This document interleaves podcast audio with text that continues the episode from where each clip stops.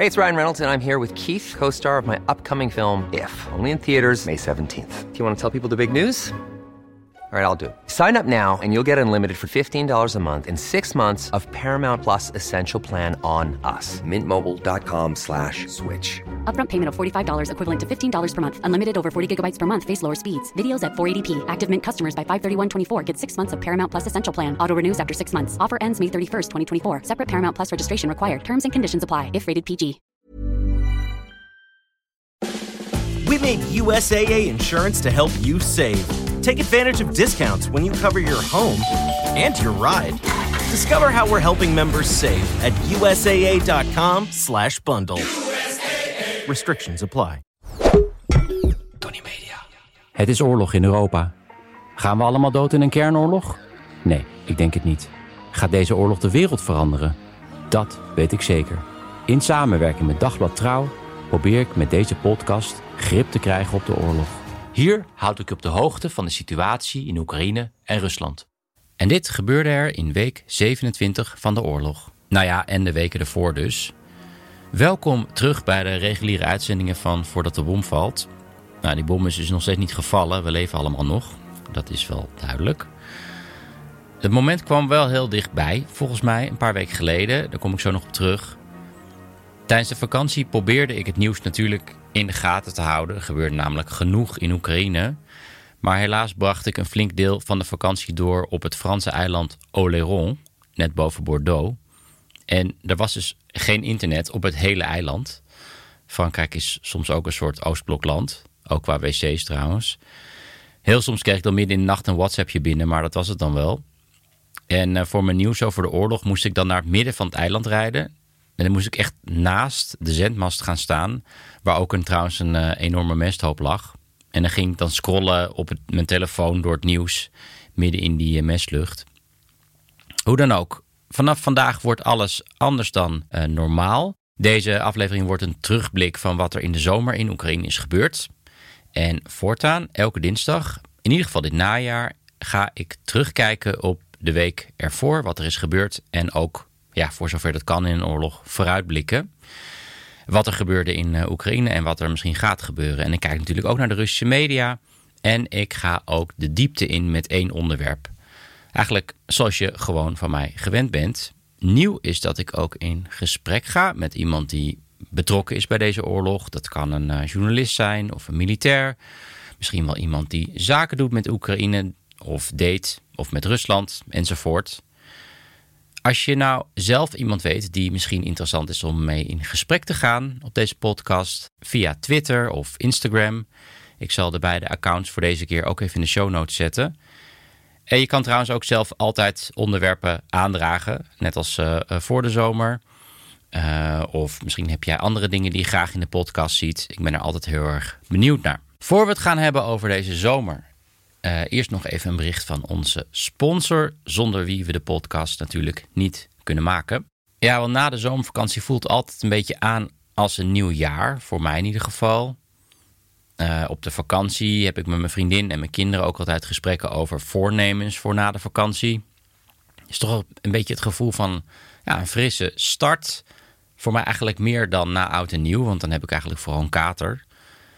En bij een nieuw jaar horen ook nieuwe kleren. Het liefst natuurlijk duurzame kleren.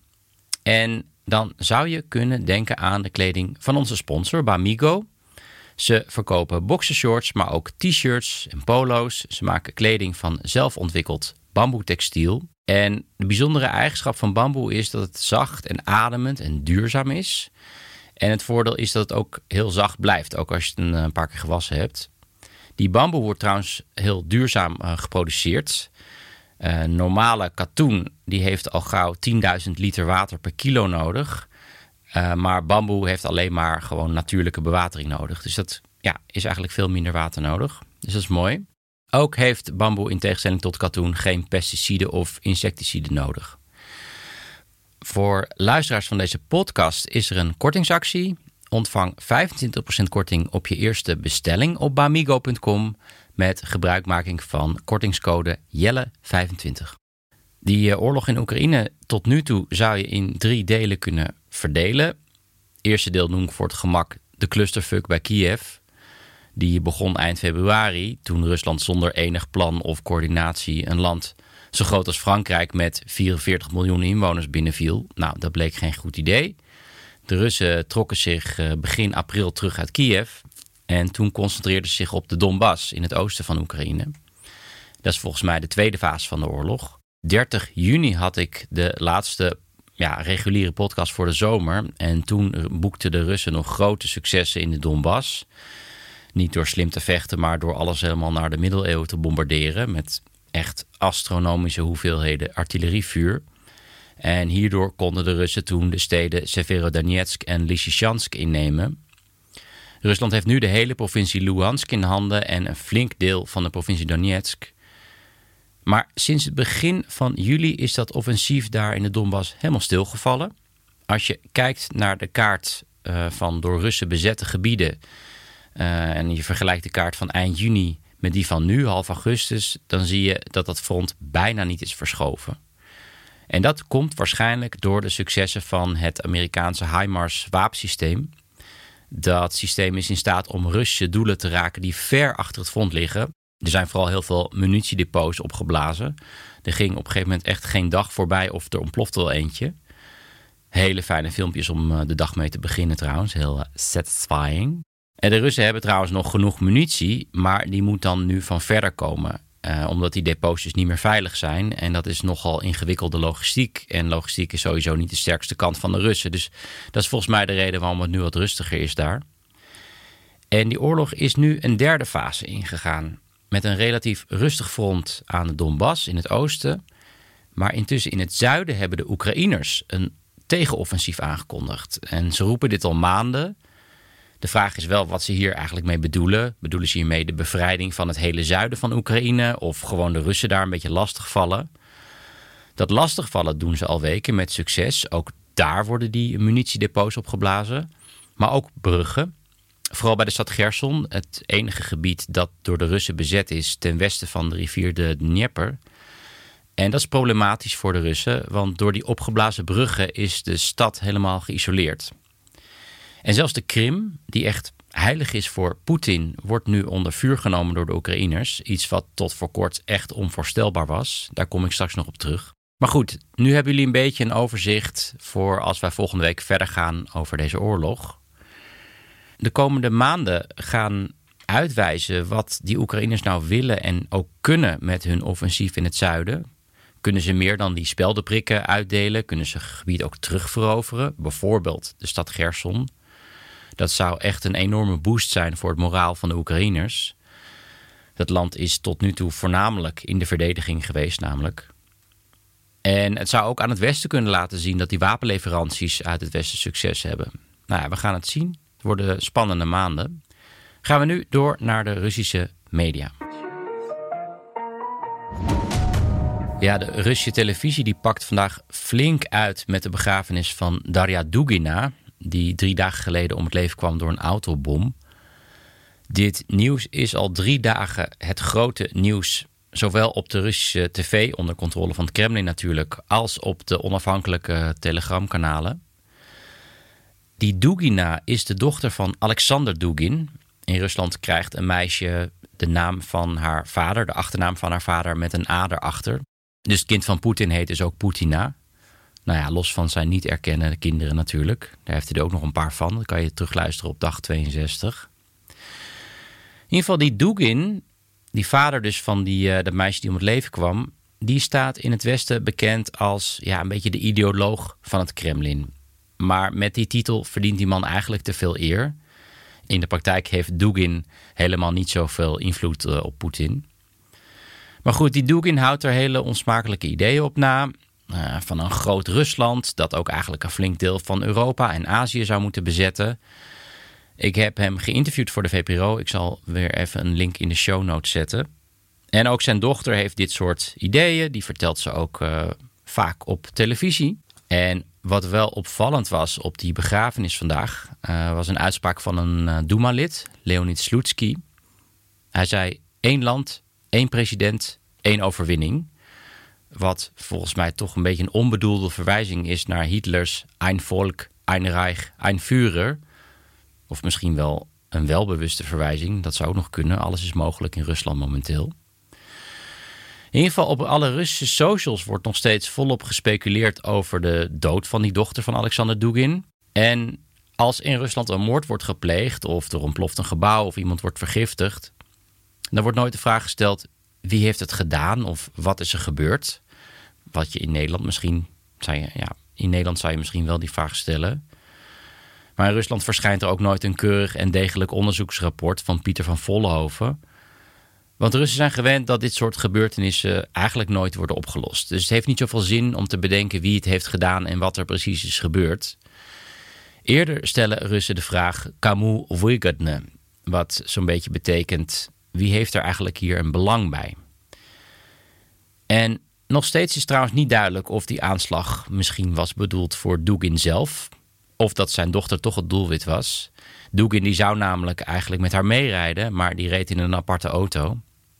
En er zijn bizarre beelden te zien van Dugin die echt in shock rondloopt bij de brandende auto waar dus zijn dochter in zit. En de kans is groot dat hij op dat moment zich afvroeg of die bom nou voor hem bedoeld was. En hoewel ik die Dugin echt een enorme lul vind, had ik op dat moment ook wel met hem te doen. Maar goed, Kamul Wigatne, wie heeft er nou eigenlijk een belang bij deze aanslag? Nou ja, geheel voorspelbaar wezen ze in het Russische journaal hun vinger naar de Oekraïnse geheime dienst. De FSB, de Russische geheime dienst, had ook gelijk een verdachte gevonden. Dat meldde ze in het journaal. Dat ging om de Oekraïense Natalia Wovk. En die zou met haar 12-jarige dochter uit Oekraïne naar Rusland zijn gereisd om die moord te plegen. Ja, ik neem ook altijd mijn dochter mee als ik ergens een moord pleeg. Soms kan je gewoon geen oppas vinden. Uh, die, die zou na de aanslag naar Estland zijn gevlucht. En ze had super toevallig haar lidmaatschapskaart van het Azov-bataljon, waar ze in zou hebben gezeten, in Rusland hebben laten slingeren. En dat Azov-bataljon wordt door Rusland gezien als een fascistische organisatie. Nou ja, surprise, surprise, die kaart was natuurlijk gewoon nep. En ook nog eens heel slecht gemaakt. Ik zal een uh, hilarische tweet in de show notes zetten. Uh, ja, iemand die analyseert helemaal precies wat voor sporen er van hele basic Photoshop geklooid er allemaal op die kaart te vinden zijn. Maar goed, officieel volgens het Kremlin zitten de Oekraïners er dus achter. En volgens de Oekraïners zit het Russische verzet erachter. Wie dat ook mogen zijn en wat dat ook mag betekenen. Maar als je kijkt op de Russische telegramkanalen, dan zie je dat de meeste mensen wijzen als dader, zeg maar, naar de FSB en het Kremlin zelf. En dat het Kremlin daartoe in staat is, blijkt wel uit de bombardementen uit 1999. Die worden ook heel vaak aangehaald op die kanalen. Dit is echt een te ingewikkeld onderwerp om hier uit te leggen. Dan zou je even dag 41 nog terug moeten luisteren. Dat heb ik toen in detail behandeld. Maar op zich is die Dugina wel een logisch doel voor het Kremlin. Ze is populair bij Russische nationalisten. Dat zag je ook vandaag trouwens bij die druk bezochte begrafenis. Maar ze staat ook niet te dicht bij het Kremlin dat haar dood iemand wat kan schelen. Dus even ervan uitgaande dat de FSB achter deze aanslag zit, wat heeft dat Kremlin nou weer aan een moordaanslag van een van zijn eigen aanhangers? Nou ja, het zou een strategische zet kunnen zijn in de oorlog met Oekraïne. Volgens Maria Zagarova, de woordvoerder van het Kremlin, moet Oekraïne op de lijst van terroristische landen worden gezet door deze aanslag. En het is een soort tegenaanval tegen Oekraïne. Want Oekraïne zegt al wekenlang dat Rusland op de lijst moet worden gezet van terroristische landen na al die oorlogsmisdaden in Oekraïne. Het kan trouwens ook een mogelijke voorbode zijn van een aanval op Estland, al dan niet een cyberaanval. En daar zin speelt het Kremlin ook al op. Want die vermeende dader die zou dus naar Estland zijn gevlucht. En de Russen hebben gezegd dat eh, Estland een zware straf te wachten staat. En het kan ook zijn gefabriceerd om meer Russen achter de oorlog te scharen. Voor meer steun voor deze oorlog te krijgen. Door die Oekraïners neer te zetten als een groep gevaarlijke terroristen op Russisch grondgebied dus. En mensen angstig te maken en kwaad te maken. En laten zien dat Rusland wordt bedreigd. Feit is namelijk dat het Russische leger nog steeds echt veel te weinig eh, soldaten heeft om die oorlog uit te vechten. Ze hebben heel veel problemen met nieuwe soldaten te werven. Er duiken nu ook beelden op vanuit Moskou van pamfletten die worden uitgedeeld. Waar ze mannen recruteren om te vechten. En het zegt wel iets over hoe wanhopig het Russische leger is. Want tot nu toe werden die jongens alleen maar gehaald uit de armere regio's van Rusland. Maar goed, op dit moment weten we niet precies wie er belang heeft bij deze aanslag. En ik denk dat het wel echt interessant is om te zien of in de komende periode meer van dit soort mysterieuze aanslagen plaatsvinden in Rusland. Wordt vervolgd, denk ik. Oké, en dan nog dit. Ik had trouwens geluk op Oleron. Uh, we waren een ijsje aan het eten op een plek met wifi, dus ik had eindelijk weer internet. En precies op dat moment kwamen berichten binnen over een explosie van een Russische vliegbasis op de Krim.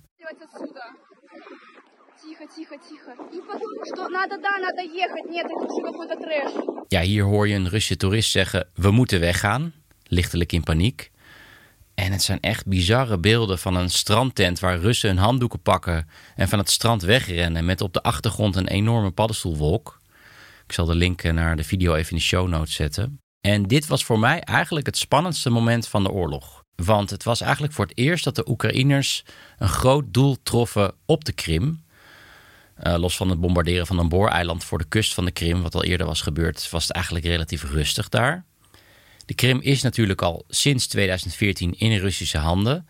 Poetin noemt de Krim het heilige land voor de Russen. En hij beschouwt het sinds de annexatie als Russisch grondgebied. En volgens mij hebben we de hele oorlog niet zo dicht tegen een kernoorlog aangezeten als dat moment. Want volgens de militaire doctrine van Rusland mag Rusland kernwapens inzetten als het land een existentiële bedreiging heeft. En ja, als die Russen dus de Krim beschouwen als Russisch grondgebied, dan zou dat misschien een existentiële bedreiging voor ze zijn. Poetin heeft al eerder gewaarschuwd voor een heftige reactie in het geval dat de Krim wordt aangevallen. Dus terwijl iedereen gezellig ijsjes zat te eten daar, was ik voor het eerst in deze oorlog echt bang dat er misschien een bom zou vallen. Kernbom. Maar dat is dus niet gebeurd. En die aanvallen op de Krim zijn sindsdien alleen maar toegenomen. Er is zelfs een uh, drone geweest die een granaat bovenop het militaire hoofdkwartier in uh, Sevastopol heeft uh, gegooid. Ja, echt veel schade heeft hij niet aangericht, maar wel van hoge symbolische waarde. Vaak is trouwens onduidelijk of het raketten zijn of aanslagen van Oekraïnse partizanen ter plaatse, maar dat doet er eigenlijk niet zoveel toe. Het belangrijkste is dat zelfs de Krim niet meer veilig is voor Rusland. En ook hier worden nu die munitieopslagplaatsen opgeblazen. En het lijkt onwaarschijnlijk dat de Oekraïners van plan zijn om de Krim echt in te nemen, in deze fase van de oorlog althans. Maar de Krim is geen veilige opslagplaats meer voor bommen en voor soldaten, lekker dicht bij het front.